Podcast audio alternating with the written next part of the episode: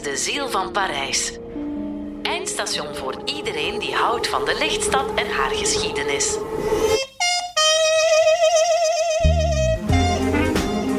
Bonjour, mijn naam is Rick van Puinbroek, journalist bij De Tijd en als reporter een fervent straatloper, omdat ik van dat oude motto hou. De straat is de universiteit van de journalistiek. Daar leer je het. Zo kwam ik de voorbije 30 jaar af en toe in Parijs en ik dacht dat ik de stad wat kende. Tot ik met Dirk Velge, auteur van De Ziel van Parijs, het boek waarop deze podcastreeks geïnspireerd is, door de Franse hoofdstad wandelde. Dirk loopt al meer dan 30 jaar door Parijs en er is de beste man voor. Dat zal u merken als u tien afleveringen lang meewandelt. Dirk, ehm, er is één hoofdstuk in uw boek dat ik mij nog veel meer belangstelling dan alle andere gelezen heb. Ik ben mijn- benieuwd. Ja. Omdat je mijn grote liefde kent voor het eh, wielrennen. De coureurs. De coureurs. Ja. Voor le détour lees je heel vaak in Franse reisgidsen. Maar dat lees je natuurlijk niet over Parijs. De stad zal door niemand overgeslagen worden en staat eeuwig in de Franse toeristische top 10. Maar binnen de hoofdstad zelf is het altijd kiezen waar je heen moet. En dan is een echte kenner welkom om je mee te voeren naar die plekken waar je zelf nooit aan zou denken. Zijn vandaag de omweg waard de Bouffe Parisien met Arletty, Longjumeau met Lenin en de Église Saint-Roch met John Law. Welkom in aflevering 2. C'est parti. Mademoiselle, vous, vous connaissez Arletty Oui, oui, je connais, euh, mais pas très très bien. Oui, et, et qu'est-ce que vous vous en souvenez ou euh, comment À elle est, euh, comment elle est perçue savoir que comme c'est une- bah, À part savoir que c'est une grande comédienne, euh, je vais pas pouvoir dire beaucoup plus de choses. une des plus grandes Ah bah oui, Oui. et on la connaît tous. enfin. Eerste halte. Théâtre des Bouffes Parisiens. Rue Monsigny. Dirk, we zijn in de Rue Monsigny. We staan hier voor een ongelooflijk opvallend gebouw. Met heel veel lampjes aan de buitengevel. Met affiches voor een couple magique. Het heet de Bouffe Parisien. Ja. Wat is de Bouffe Parisien? Het is een beetje het omgekeerde van waar we daar juist vandaan komen. Van de grote opera, l'opéra Garnier. De ernstige klassieke stukken. Kom je hier eigenlijk naar, naar Le Bouffe Parisien. En Bouffe verwijst eigenlijk naar Buffon, hè, de, de nar, de hofnar, Mistero Buffo. Hè, Ja, het, ja. meer komische, het narrentheater zogezegd. Het theater zelf is opgericht door Jacques Offenbach. Wat ik er even wil bij vermelden, omdat iedereen die naam toch kent, Bataclan. Ja. Wel, eh, Bataclan was eigenlijk het eerste stuk dat hier speelde, want dat was eigenlijk niets meer dan een soort, men noemde dat een chinoiserie musicale. Dus eigenlijk een ja, muziekstuk dat eigenlijk eh, Chinese invloeden had. Ja, ja. Die daar, en vandaar, eh, die titel moet, ik weet niet juist wat hij betekent, maar Toch naartoe verwijzen. voilà. En later is dat dan Ja, ja. de naam geworden van de gekende, bekende zaal plek. op de boulevard du Temple. Maar hier gaat het verhaal eigenlijk over het leven van iemand die hier enorm veel opgetreden heeft, namelijk Arletty. Ah, je veux vivement qu'il vienne, celui qui versera la peine de mon âme de Parisienne. Arletty was eigenlijk ja, een van de meest geliefde actrices tussen de twee wereldoorlogen. Zij komt naar Parijs rond haar twintigste. hè. Dat was geen Parisienne. Dat is geen Parisienne. Zij komt van het platteland. Haar eh, echte naam is trouwens Leonie Batia. En ze is ook, moet ik het zeggen, wondermooi. Eh, en natuurlijk was ze bij haar aankomst in Parijs al snel opgepikt door een jonge bankier. Ja. En ze gaan samenwonen in Garches. Garches is hier een klein voorstadje van Parijs. Van het een komt het ander. Hij neemt haar mee naar de stad, theater, film enzovoort. En het zegt haar toch allemaal wel heel, heel veel. Want een paar jaar later treedt ze in dienst van het toen heel gekende maison Paul Poiret Als wat? als mannequin. En dat is ook het moment waarop haar naam Leonie. Leonie Batia. Leonie is niet echt een naam waar je het als mannequin kunt mee maken. Hè. Dus ze gaat die naam veranderen in Arlette. En nog een paar jaar later was ze uitgekeken op het modellenwerk. Want ze voelde wel heel goed aan dat haar echte roeping lag niet op de catwalk, maar wel op het echte podium in het theater en later zelfs nog naar de film. En naar aanleiding van het succes dat ze oogst, verandert de directeur van Le Théâtre des Variétés haar naam van Arlette in Arletty. En het is nu als Arletty dat ze hier de deur even openen. Ja, gaat maar. Binnen. Het is dan ook als Arletty dat ze hier binnenstapt in Les Bouffes Parisiens. Waar we nu staan, Waar we nu staan, in de brede foyer met overal rode pluchen. En het is een zaal waar ze eigenlijk honderden concerten zal geven. Het is een zaal, zoals je ziet hier, echt oude theater. een, een prachtige echt, theaterzaal. Ja, een echte bonbonnière, een vergulde plafond. Met dan ja, 1, 2, 3, 4. De fauteuil de corbeille, zoals men zegt. De fauteuil de balcon. En dan de hoogste categorie, de fauteuil de foyer. Ja, wat wij noemen het uilenkot. Dus gaat hier een theaterproductie spelen? Of, eh, Ja, ze speelt hier heel wat theaterproducties, waaronder een heel succesvolle Voulez-vous jouer avec moi? Voulez-vous jouer avec moi le jeu d'amour, la tendre guerre Mais ne cherchez Tegelijkertijd, het succes dat ze kent in het theater, dat leidt haar eigenlijk ook naar de film. En wanneer in Parijs de Tweede Wereldoorlog aankomt, is Arletty reeds een gevierde filmactrice. Ze heeft dan al 38 langspeelfilms op haar naam, waaronder het heel bekende Hôtel du Nord van Marcel Carnet. Bonsoir Raymond. Bonsoir mon petit. Oh, mais dis donc, toi, c'est un os. Tiens, pour toi. T'as pensé à moi comme ça, toute seule dans ta belle robe Allez, batte la môme.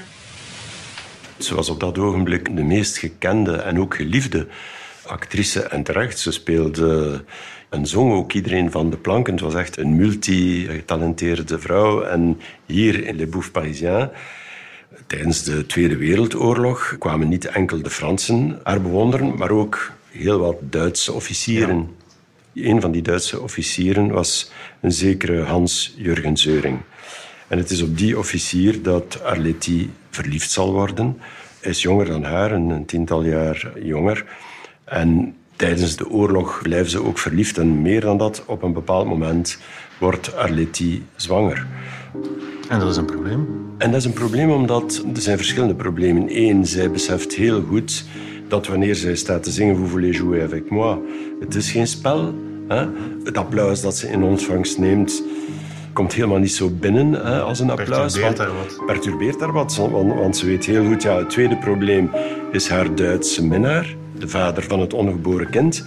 En het derde is ja, haar leven. Ze moet elke avond optreden. En op dat moment is ze net bezig aan de opnames van de film Les Enfants du Paradis. Die later een, een van de meest succesvolle films uit die periode zal zijn. Het is opnieuw een film van Marcel Carnet, maar deze keer in de regie van Jacques Prévert. En zij beseft ook heel goed dat haar toekomstig kind dat dat geen enfant du paradis zal zijn.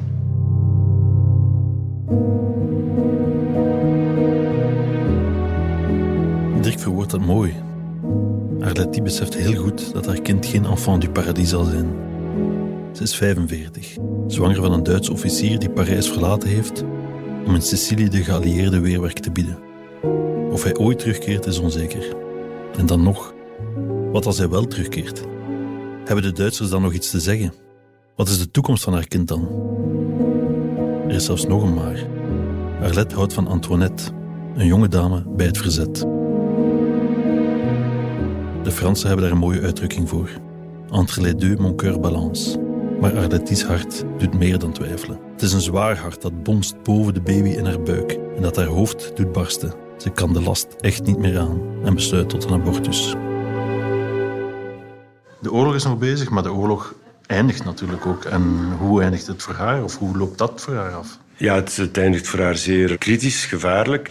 Zij wordt, zoals vele andere vrouwen van wie men weet dat ze een relatie met een Duitse soldaat of Duits officier in haar geval gehad heeft, meegenomen voor verhoor. Je moet het ook zo zien dat op dat moment van de bevrijding is er een euforie in de stad. Ja. De Duitsers hebben de stad echt bijna figuurlijk gemarteld. Ja, hè. Iedereen is blij, iedereen is opgelucht. En natuurlijk hier en daar wordt er ook wraak genomen. De resistance jaagt achter de collaborateurs, maar eigenlijk ook achter de collaboratrices of degene van wie men vindt dat ze de horizontale collaboratie bedreven hebben. En dat is ook haar lot? Nee, zij slaagt erin om te ontsnappen en ze vlucht eigenlijk uit Parijs. Maar na verloop van tijd keert zij terug, niet beseffende dat de politie sinds lang alle registers van de hotels in Parijs elke dag uh, bijhoudt, weet, en, bijhoudt en controleert. Dus ze komt in een van die hotels waar ze zich moet registreren. En het duurt niet lang of Sanderaags krijgt ze terug de politie aan de deur, wordt terug meegenomen voor verhoor en ze zal in de gevangenis worden gegooid in afwachting van haar officiële verhoor. De gevangenis misschien is nog voor haar de veiligste plek, want met, iemand als Arletty, die een hele grote en felle bek heeft, verlopen ondervragingen van die volksrechtbanken, om ze zo te noemen, verlopen op een zeer gevaarlijke wijze voor haar, want ze daagt hen uit. Ja. Alors, je autant vous dire qu'une culottée, il y en a qui sont culottés pour le fric, mais moi je suis culottée dans la vie, devant les événements. Mais je, même quand j'ai été, il y avait des espèces de, petits, de petites ordures qui étaient là, une arrestation. Alors là, il y avait des ministres, il y avait des types comme ça arrêtés. Et alors les types m'avaient mis devant une mitraillette, une mitraillette à la noix, puisque ça devait être que cette mitraillette. Alors j'ai dit, dépêchez-vous de me faire sauter, que je vois plus vos sales gueules. Ça a été fini. La, la mitraillette enlevée, tout. Ja, we hebben net gehoord. Ze heeft inderdaad een grote mond. Iedereen kent Arletty natuurlijk. en wat zij aanvoert is ook heel correct.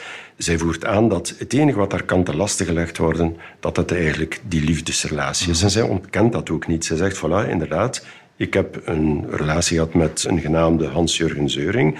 En tegelijk toont ze eigenlijk aan dat zij, waar andere filmactrices of acteurs, Tino Rossi, wel gecollaboreerd hebben, wel hebben echt meegedaan aan Duitse producties of co-producties, kan Arletty tonen. Zij is tientallen keren aangezocht door La Continentale en heeft altijd geweigerd. Nu moet je weten, wat is La Continentale? Dat is eigenlijk een groot filmproductiebedrijf, speciaal opgezet door de Duitsers en de Vichy-regering om Franse producties te maken. Een couple magique lees ik op de affiche aan de ingang van de Bouffe Parisien.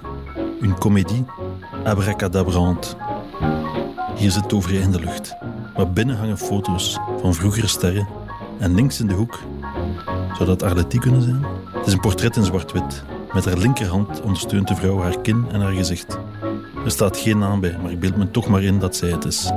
Haar blik is die van de afwachting. Er zit iets geslepens in. Een houding die zegt dat je niet met haar moet zollen. Misschien ben ik wel beïnvloed door de woorden van Dirk en het fragment dat we net hoorden. Met Arletty wil inderdaad niet te zollen. Ze was een vrouw met een vurige tong. Wanneer de geallieerden in aantocht zijn naar Parijs, vlucht ook de Duitse ambassadeur Otto Abets, die zij goed kent. En Otto Abets zegt, vlucht mee met ons naar Baden-Baden. Naar Baden-Baden? Nee, zegt ze. Je reste à Paris, Paris. en dus die dingen zijn gekend. Men heeft haar dat horen zeggen en die staan ook geacteerd in haar verdediging. Uh, er is één ding dat er eigenlijk niet in staat. En dat is eigenlijk de zin die nogthans iedereen bijgebleven is. Naar verluid zou ze haar betoog afgesloten hebben voor de epuratiecommissie met de zin, mais enfin, vous savez quand même bien que mon cœur est français, mais je l'avoue, mon cul est international.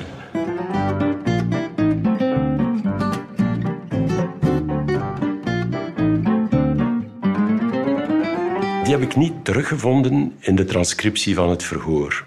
Ik heb dan verder gezocht en ja, naar verluid zou hij ergens opgedoken zijn in die verhoor van die volkstribunaal en zou hij geschreven zijn door Marcel Jouandeau, door de heel getalenteerde dialoogschrijver van Hôtel du Nord. Maar de zin en de woorden zijn zo gezegd dat het werkelijk uit de mond van Arletty had kunnen komen.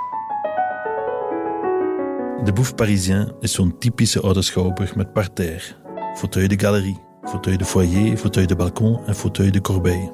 We zien de zaal zoals Arletty ze zag. En dus ook zoals ze het publiek recht in de ogen keek.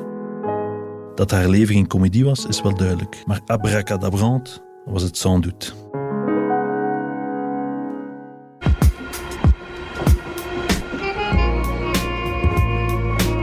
Oui, formidable, je ne savais pas. Ah voilà. Mais bon, c'est une histoire un peu euh, inconnue. Moi, je l'ai trouvée dans, d'abord dans l'histoire de Lénine à Paris, et puis j'ai découvert cette, euh, cette merveille d'architecture euh, qui est cette oui, salle d'Augusta. Ok, allez, je vous remercie. N'hésitez pas, voilà, installez-vous. Merci beaucoup. Je vous en Merci. Volgende halte. Bibliothèque de l'Institut national d'histoire de l'art. Salle Labrouste, rue de Richelieu. Dirk, ehm, er is één hoofdstuk in uw boek dat ik mij nog veel meer belangstelling dan alle anderen gelezen heb. Omdat, Ik je, ben mijn, benieuwd. Ja. omdat je mijn grote liefde kent voor het eh, wielrennen. De coureurs. De coureurs. Ja. Ik dacht dat ik daar heel veel van wist, maar wat ik niet wist was dat er blijkbaar ooit al eens bijna een Rus de Ronde van Frankrijk had kunnen winnen. En dat verhaal speelt zich eigenlijk hier af. We staan in de bibliotheek Richelieu en in de ongelooflijke, prachtige Salle Labrouste met ornamenten, met zuilen. Een fantastische plek. Maar wat heeft het te maken met de Ronde van Frankrijk?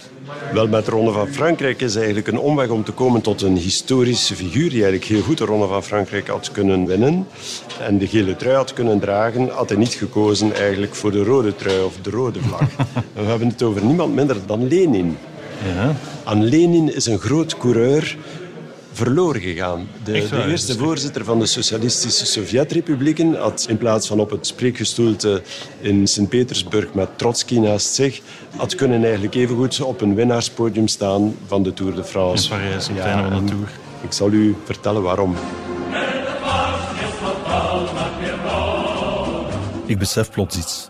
Dat ik hier in de Salle Labrouste in het midden van Parijs sta, is te danken aan een wielrenner. Dat klinkt gek, maar het is wel zo. Als kind woonde ik in Drongen, bij Gent. En mijn moeder vertelde dat ze als scoutsleidster ooit een jongen over een prikkeldraad moest dragen. Zijn naam was Walter Godefroot en hij was van ons dorp. Toen ik acht was, won hij als allereerste renner ooit de slotetappe van de Tour de France op de Champs-Élysées, hier in Parijs. Die dag werd mijn liefde voor de koers geboren. Ik begon erover te lezen en ik luisterde op de radio naar de verslagen van Jan Wouters. Dat zette me aan het dromen. Wielrenner werd ik enkel in gedachten. Talent ontbrak voor meer.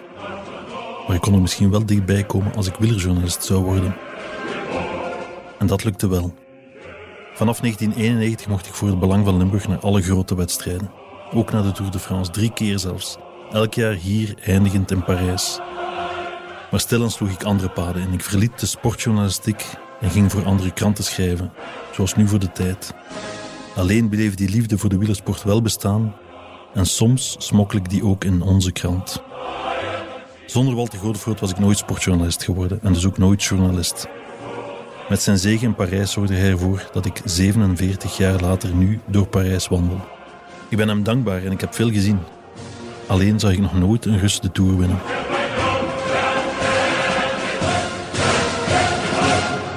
Lenin komt hier aan in Parijs na de mislukte revolutie van 1905 en de Menchevistische revolutie. Moeten, ja, het is mislukt, de opstand is neergeslaan.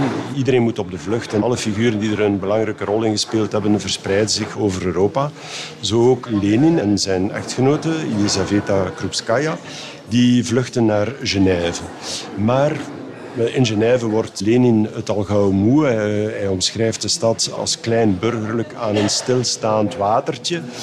Beetje saai. Saai. En ja, op een bepaalde dag besluiten ze van eh, te verkassen naar waar? Wel, naar een stad die op dat moment de aantrekkingskracht heeft van een magneet.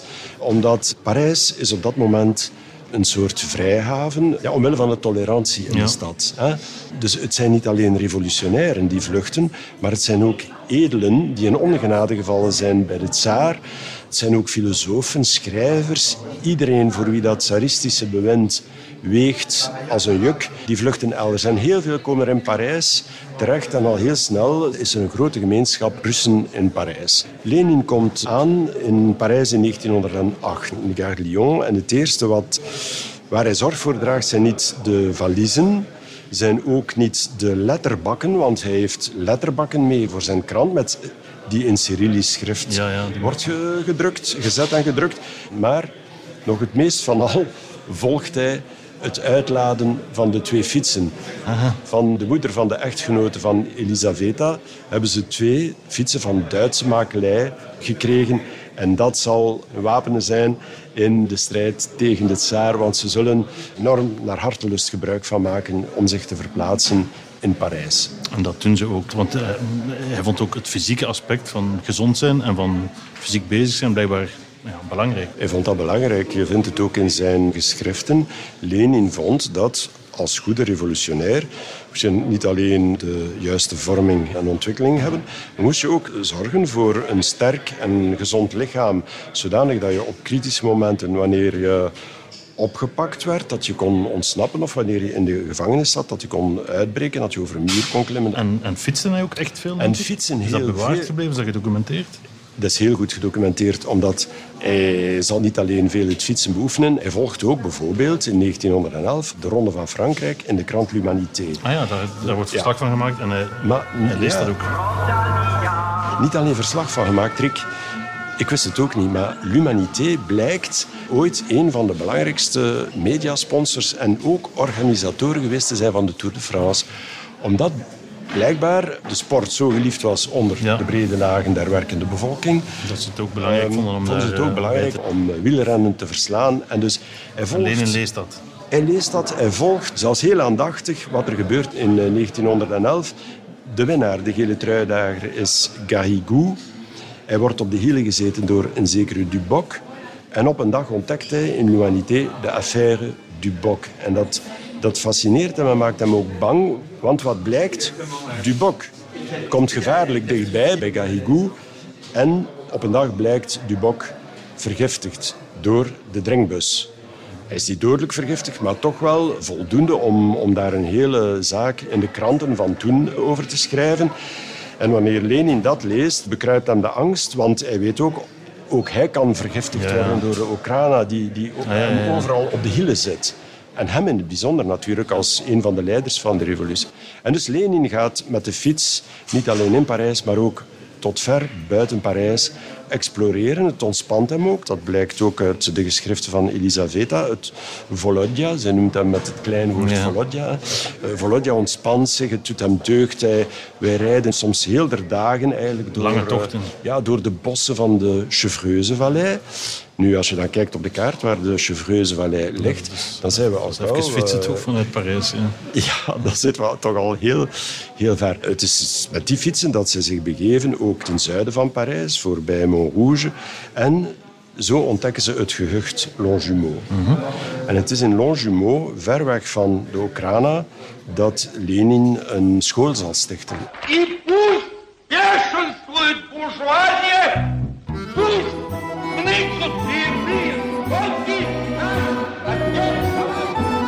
Mijn liefde voor Frankrijk is groot, maar Frankrijk is nog veel groter. En van Longjumeau heb ik nog nooit gehoord. Het ligt dicht bij Parijs en daar sticht Lenin dus een summer school. Een bizar idee vind ik dat. Op 30 juni was ik altijd in alle staat toen we de schoolpoort mochten verlaten om twee maanden onbezorgd vakantie te vieren. Geen moment zou ik eraan gedacht hebben om in die twee maanden ergens les te gaan volgen. We voetbalden op straat, reden onze eigen Tour de France en gingen op kamp met de Giro. Van taalkamp moest niemand me spreken en van een vakantiejob evenmin. Maar je kan geen omelet bakken zonder een ei te breken en je kan geen revolutie organiseren zonder een deftige opleiding. Dus als Lenin dat ooit wilde realiseren, dan moest hij die school wel oprichten. In de warmste maanden. Zelfs revolutionairen voelen de koude door hun ribben trekken. En als het vriest, warmen ze zich liever op aan de stoof dan in een kil gebouw in Longjumeau les te krijgen van Lenin. Lenin keert dan terug naar Parijs, Naar Parijs. waar hij dan verder studeert en waar hij ook schrijft, maar waar het natuurlijk ijskoud is. Ja. Hij kan zich er niet verwarmen en hij gaat op zoek naar een plek waar hij zou kunnen werken. Mhm. En het is als bij toeval dat hij hoort over een soort paradijs in het centrum van de stad, volgestouwd met boeken. En waar hij zich niet alleen kan informeren, maar waar hij zich ook kan verwarmen. Ja, waar hij zich ook zal kunnen verwarmen, want wat zie je hier als je binnenkomt? Ja, het is een prachtige zaal. Het is, eh, ik heb het net al bij de inleiding gezegd, ja, ongelooflijke zuilen. Het doet een beetje oosters zelfs aan, het plafond. eh. Wel, dat vind ik ook. De eerste keer toen ik de Salle La Brousse betrad, dan was het voor mij alsof ik in Byzantium was of in, eh, in Istanbul. En dat was het genie van La Brousse. Wat heeft hij geprobeerd om midden in een stad een oase van licht en ruimte te creëren met negen grote koepels, gedragen door smalle metalen zuilen. Hij gebruikte ook de nieuwe materialen van die tijd, glas Ja. en gietijzer. Maar hoe verwarmden ze het? Want uiteindelijk, ja, het is een grote zaal. Dat is fantastisch. Nee, ja, het is een heel grote zaal, maar de- hij ontwierp ook een ingenieus ventilatiesysteem. Zie je die kleine keramieken zuilen hè, die aan het einde van elke leesrij... Wel, dat is eigenlijk het begin van een soort ventilatiesysteem waar, waar lucht in blaast. Ja, En er wordt tegelijkertijd warm water gejaagd. Kijk eens onder de ja, ja. ja, leestafels. ja. Door die enorme buizen Mhm. wordt eigenlijk warm water gejaagd. En dat is natuurlijk voor Lenin gevoelens fressen om zijn ijsklompen Ja. aan- Iedereen die aan- aan dat bureau zit en hij dus aan te verwarmen. kan zijn voeten en, en handen of zo. Nu het zomer is, kunnen we er ons niks bij voorstellen. Maar denk eens terug aan hoe we in de winter zelf altijd blij zijn als de thermostaat wat hoger kan. En denk dan eens aan Lenin, hier, in deze sal Labroest. Met koude voeten en verkleumde handen. Je zou kunnen zeggen dat het een goede voorbereiding is op de revolutie in winters Rusland. Maar bevroren ledematen sterven af en met vrieskoude hersenen kan een mens niet helder nadenken.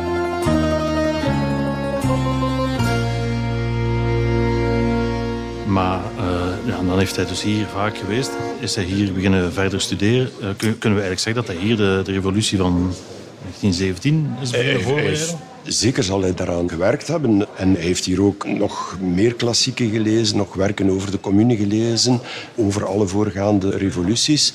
Absoluut. Ja. Fietste hij toen nog? Hij fietste nog absoluut, want op een dag komt hij hier buiten en hij ziet eigenlijk de conciërge naar zich komen lopen al molenweekend. En het eerste wat hij denkt natuurlijk is de Okrana. Ja. Ze zitten achter mij aan. En de conciërge roept net op tijd van... eh, eh, ton vélo. Hè, eh, en, en hij begrijpt dat het niet de Okraan is, maar dat het iets te maken heeft met zijn fiets. En zijn fiets blijkt gestolen. Ja. Natuurlijk, die fiets is de firmawagen. Zijn bedrijfswagen. Wel, het is een bedrijfswagen van de revolutie. En s'avonds, wanneer hij zijn glas gaat drinken in de nog niet zo lang geopende rotonde, hè, La, Ja. het café de la Rotonde op de hoek van de boulevard Montparnasse en de boulevard Raspail, ja, daar laat hij zijn partijgenoten de fiets mee betalen. Ah, mee betalen, ja. En er wordt geïnvesteerd in een nieuwe goede fiets voor Lenin. Ik probeer me voor te stellen hoe de fiets van Lenin eruit zag en ik heb werkelijk geen idee. De bekendste Russische renner vandaag is Alexander Vlasov. Hij rijdt voor de Duitse ploeg Bora Hansgrohe en die rijden met Amerikaanse Specialized fietsen. Zo staat er ook bij mij thuis eentje in de garage met dit verschil. Ik kocht hem tweedehands voor 400 euro. Die van Vlasov kost snel 15.000 euro. In mijn hotelkamer google ik Lenin en Velo en ik vind één foto. Of dat Lenin echt is, durf ik niet beweren. Maar een Specialized is zijn bedrijfswagen in ieder geval niet. Het is eigenlijk ook grappig, want ja, je schrijft of je vertelt het nu ook. Ja, hij fietste veel, hij had misschien de Tour kunnen winnen. Het is pas heel veel later dat er opnieuw Russen in het peloton verschenen zijn. Maar er is wel nog altijd nog geen enkele Rus die de Tour gewonnen heeft. Ja. Het heeft zelfs heel lang geduurd voordat er een profteam was, een Russisch profteam. Ja, wel, ik, dat klopt. Hè. Ehm, enfin, ik, niet dat ik me daar zo bewust van was, maar ik stootte toevallig op een anekdote in L'Equipe. Blijkbaar in 2011 passeerde de Tour in Longjumeau. Waar Lenin Waar die lessen zijn gegeven school had. Nu, heel onschuldig, de lokale, zeg maar zijn heemkundige kring van, van Longjumeau Longjumeau.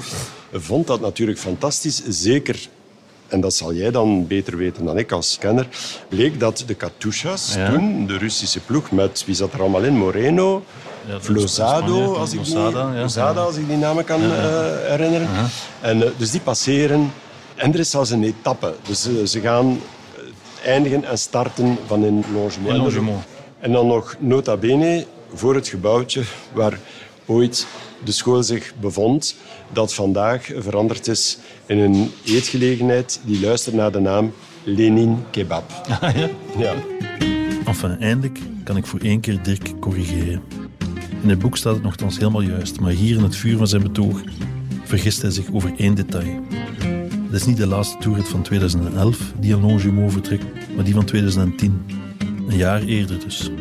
De renners rijden die dag 102 kilometer en op de plaats waar mijn idool Walter Godefroot in 1975 won, pakte Brit Mark Cavendish een van de uiteindelijk 34 etappenzegers. Dat doet hij niet op een Russische fiets, maar op een fiets van Scott, een van oorsprong Amerikaans merk.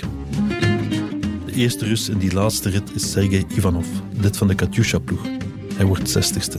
De Spanjaard Alberto Contador van de Kazakse Astana-ploeg wordt gehuldigd als eindwinnaar, maar later wordt hij op doping betrapt en je moet die eindzege afstaan aan de Luxemburger Andy Schleck. Conclusie? Ook in de Tour gebeuren soms revoluties. Maar vooralsnog stond geen enkele Rus in de gele trui in Parijs. Die Lenin had verdorie de enige kunnen zijn. We gaan zo meteen verder, na dit.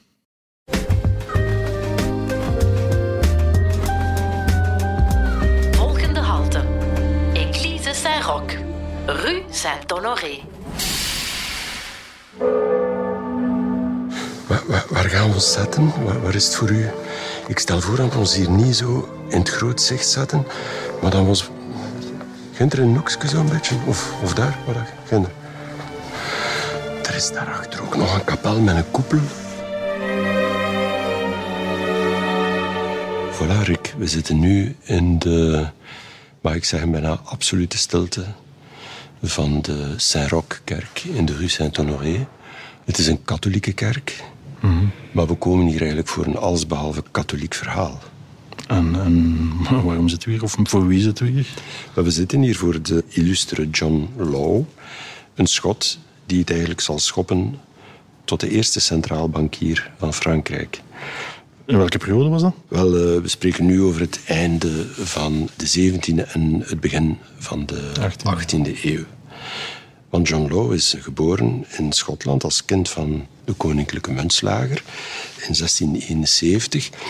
En al snel blijkt dat hij ja, een enorm talent ontwikkelt voor alles wat te maken heeft met rekenkunde. Al snel blijkt ook dat hij heel goed kaart speelt als kind. En Wanneer hij 18 wordt, wordt hij betrokken in een duel. Ja, zoals vaak een gevecht om een meisje. Het loopt fout af. Enfin, tussen aanhalingstekens, want hij wint. Ah, oké. Maar het heeft weinig zin, want hij moet onmiddellijk vluchten. Op dat moment is duelleren in Schotland niet verboden. Maar het jaar na het duel wordt Schotland onderdeel van Engeland en is de Engelse wetgeving van toepassing ook in Schotland. En van de ene op de andere dag wordt John Law misdadiger, wordt een ordinaire moordenaar. Die, ja, die opponent is dood. Zijn tegenstrever is dood. Maar ja, het mag nu eenmaal niet. En dus vliegt John Law de gevangenis van Newgate in Londen in. En over die gevangenis zal hij later schrijven dat de dood misschien wel nog beter was dan een verblijf in de, in, de Newgate-gevangenis. En het is met zijn spaargeld, want hij heeft wel al wat centen opzij. Want al vroeg is hij begonnen aan een andere hobby die hem nog parten zal spelen. En dat is het gokken.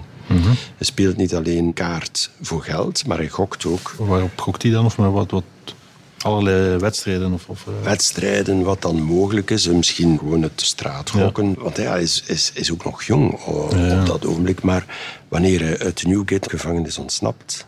Hij ontsnapt eruit, hij wordt niet vrijgelaten? Hij wordt niet vrijgelaten. Het is eigenlijk met de hulp van vrienden, maar vooral met de hulp van centen, ja. dat hij ontsnapt. Maar dan moet hij wel vluchten naar het continent. Mm -hmm. En dan komt hij in Frankrijk al? Nee, hij vlucht eigenlijk naar Nederland. Mm -hmm.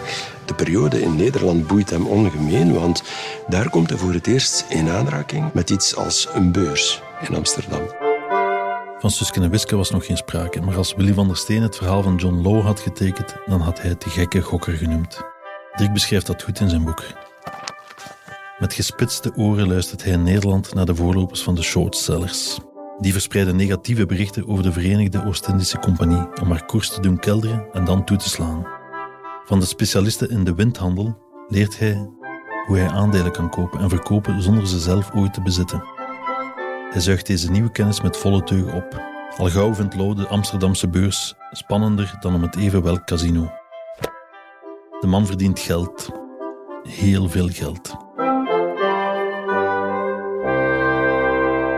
Na verloop van tijd, blijkbaar zit er een verjaring op de veroordeling, komt hij terug in Schotland. Hij is dan een stuk ouder en heeft ook een traktaat geschreven. Een soort thesis, laat ons zeggen. Die luistert naar de titel Money and Trade Considered with a proposal for supplying the nation with money. Dus hij schrijft daar een aantal ideeën neer over Ja. hoe een staat Voilà. geld kan Eh, eh, verdienen. ja, hoe de staat geld kan verdienen. En hij trekt daarmee terug naar Schotland, die eigenlijk nog grotendeels een feodale maatschappij is, waar grondbezit, groot grondbezit, vierkante kilometer bij wijze van spreken, met wat runderen, belangrijker is dan handel. En hij ziet natuurlijk het verschil tussen de Nederlandse maatschappij, Ja, waar dat dan dat geld al... waar het geld rolt, waar welvaart ontstaat, waar eigenlijk ja, ook grotere vrijheden zijn enzovoort. En hij komt terug in dat regenachtige Schotland, waar alles nog op feodale pijlers berust. En ja, hij vangt eigenlijk bot met zijn money and trade De costs. Schotten staan er niet voor open of zijn er nog niet klaar voor of, of vinden het maar niks. Ze vinden het helemaal niks blijkbaar. Maar hij laat zich niet ontmoedigen en hij, hij laat op dat moment ook Schotland voorgoed achter zich. Hij zal er ook niet meer terugkeren. Hij gaat terug naar het continent, maar dan vraagt hij zich wel af van waar zou mijn filosofie, mijn theorie, mijn visie, waar zou die wel kunnen opgang maken?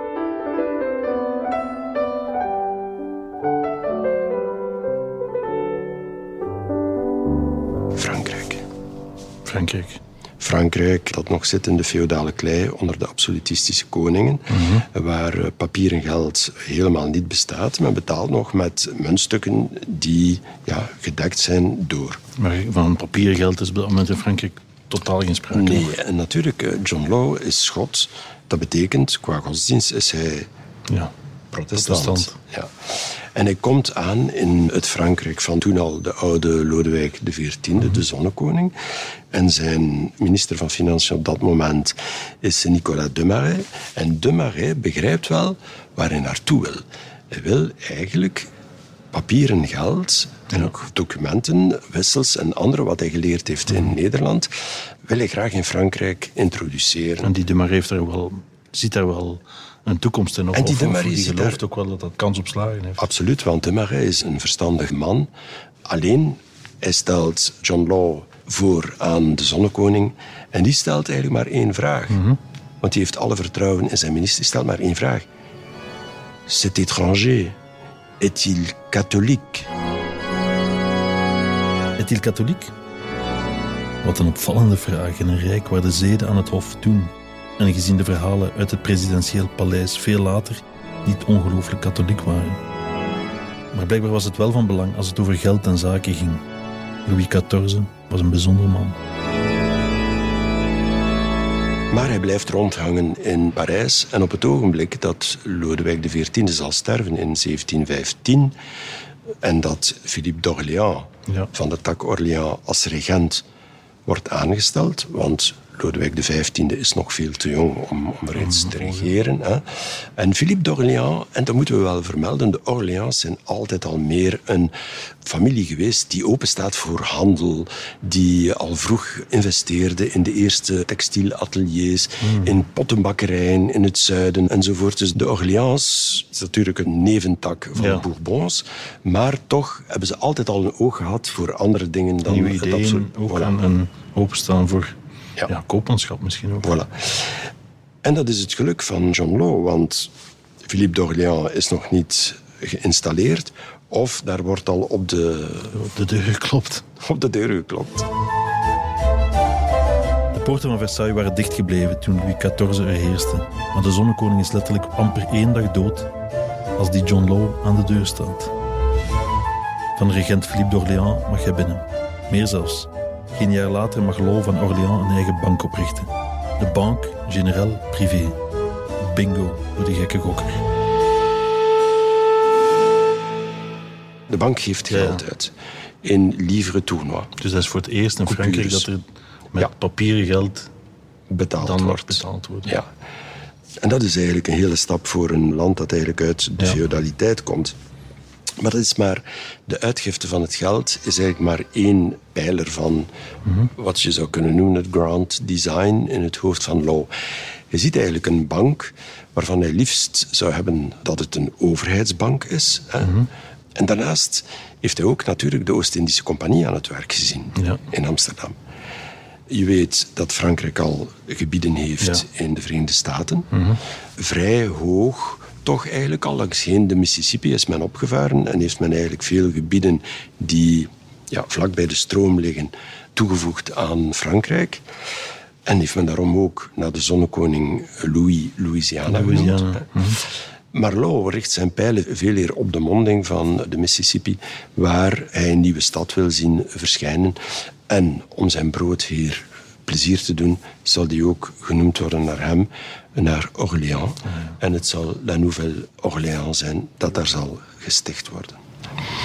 En wat doet hij dan? Of wat, wat, wat is, wat is zijn hij- plan met die nieuwe stad? Wel, hij zal, het gaat hem niet zozeer om de stad, het gaat hem vooral om die handelsmaatschappij. Die handel was vrij gekend, maar het leverde niet de fortuinen op die de specerijen en, Ja, ja. en de kostbare materialen, de zijde enzovoort, opleverden, de koffie aan de Verenigde Oost-Indische Compagnie. En daar wilde Law wel naartoe.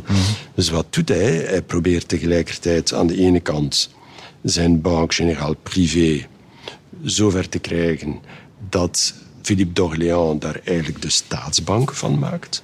En na verloop van tijd lukt het hem en wordt het eigenlijk La Banque Royale. En aan de andere kant slaagt hij er ook in om steeds meer de hand te leggen op kleine handelsmaatschappijen en die te verenigen tot één grote handelsmaatschappij, La Compagnie du Mississippi. Misschien is gek niet het juiste woord om Lowe te omschrijven, want zo gek is zijn idee niet. Als zijn Compagnie de l'Occident in 1718 aan de monding van de Mississippi een nieuwe stad sticht. Hij noemt ze Nouvelle-Orléans, naar en recht in het hart van Philippe d'Orléans. 100 miljoen livres is het startkapitaal van de compagnie. Aandelen kosten 500 livres per stuk en iedereen mag ze kopen. Een van de grote kopers is Philippe d'Orléans zelf. Die is zo tevreden dat hij Loos privileges verder uitbreidt.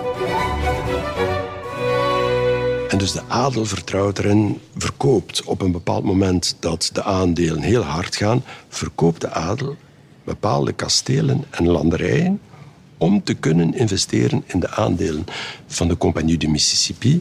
Het is nog niet voldoende. Men vertelt ook aan de bevolking dat, kijk, je kan een voorschot krijgen op je pensioen, maar dat voorschot ga je wel investeren in aandelen van de Compagnie du Mississippi. Dus op allerlei manieren die heel nauw aansluiten bij het gokverleden en bij de, ja, een beetje de gokpraktijken van eh, drijven ze mensen naar de bank, drijven ze mensen naar de aandelen. Ja. Het geld stroomt binnen. Het geld stroomt binnen en het is de eerste keer dat het begrip miljoen dan zijn intrede Ah, ja. doet. En ook de eerste keer dat men begint te spreken over de miljonair. Miljonairs. Ja. We zitten op een bankje waar duizenden mensen gebeden hebben, maar de Saint-Roch is een kerk en geen bank. Stilaan begin ik me af te vragen wat we hier zitten te doen. Dit hele verhaal gaat over geld, geld en nog eens geld.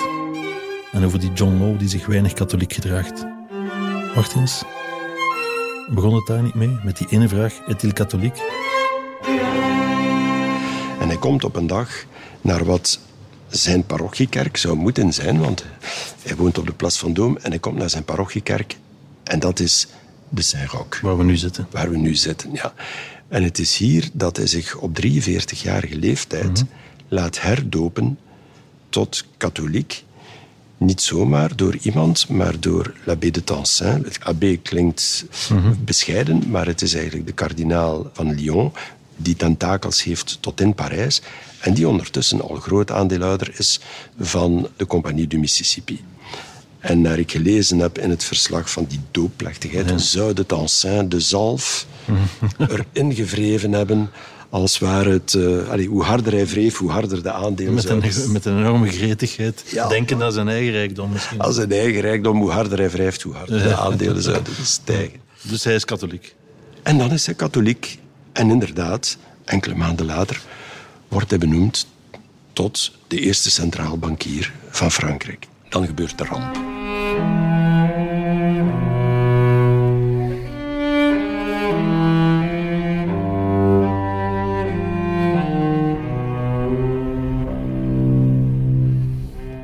De ramp is dat de schepen die oorspronkelijk vertrokken zijn naar de Mississippi-delta, dat die Fransen daar alles behalve goud, zilver, zijde, specerijen ontdekken, maar muggen, tyfus en opstandige indianenstammen. Op dat moment is het eigenlijk voor Law al te laat, want die berichten verspreiden zich zo snel als de ratten van het dek snellen. Gaat het al rond in heel Parijs dat het een illusie is, dat het verhaal niet klopt. En dat doet natuurlijk onmiddellijk de koers kelderen. En dat is het begin voor een spiraal infernale van heel het financiële rijk. De Banque Royale gaat onderuit en moet ondersteund worden door de Compagnie du Mississippi, die de bank overneemt. Maar dan beginnen ook de aandelen van de Compagnie du Mississippi af te glijden. En dat is eigenlijk het slot, de dood van heel het systeem law, zoals hij het zelf noemde. Eigenlijk een eerste financiële crash Ja, uit de geschiedenis. absoluut. Zeker in Frankrijk. Ja, zoals in Nederland de tulpenbubbel, Ja. de tulpenbollencrisis, is dit eigenlijk de eerste aandelenbubbel Ja. ooit gecreëerd in Frankrijk. En John Law, wat is zijn John- lot geworden? John Law moet vluchten. Zijn huis op de Place Vendôme is al dichtgetimmerd. En hij moet echt letterlijk Frankrijk ontvluchten. Zijn fortuin kan hij niet meenemen. En hij vlucht de Alpen over, waar hij terechtkomt in Venetië. En zo komt het dat de eerste centraal bankier van Frankrijk niet begraven is hier in deze kerk. Maar John Law die ligt onder een heel kleine, ruitvormige steen aan de ingang van de San Moïsekerk in Venetië en niet zoals het eigenlijk had gehoord in Parijs. De Église Saint-Roch is groot en indrukwekkend. En ze moet wel wat geld gekost hebben, denk ik. Als ik buiten stap, zie ik op een tafeltje een folder liggen met een envelop erbij. Hij is al geadresseerd en ik kan hem zomaar sturen naar het Oeuvre des Vocations in Puteaux, vlakbij de Parijse zakenwijk La Défense. Op de achterzijde wordt een gift gevraagd die nieuwe seminaristen moet ondersteunen. Je kan een paar giften aankruisen, maar het begint wel pas vanaf 30 euro. Op een foto staat een jonge priester met daarbij een slogan. Hij is priester geworden dankzij u en voor u. Hij is zeker katholiek, maar het is duidelijk. Ook vandaag gaat het in de kerk van John Law nog altijd over geld.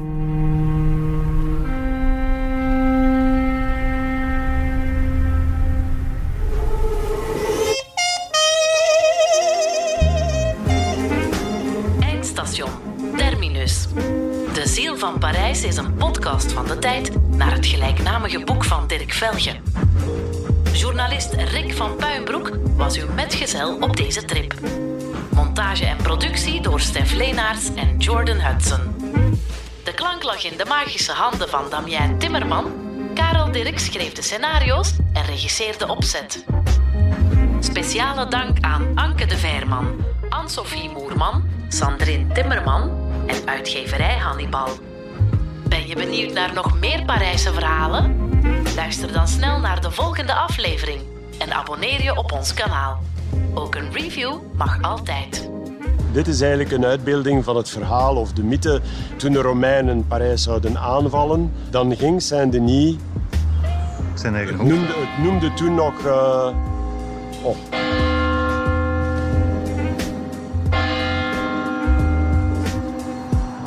Hoe laat is het nu?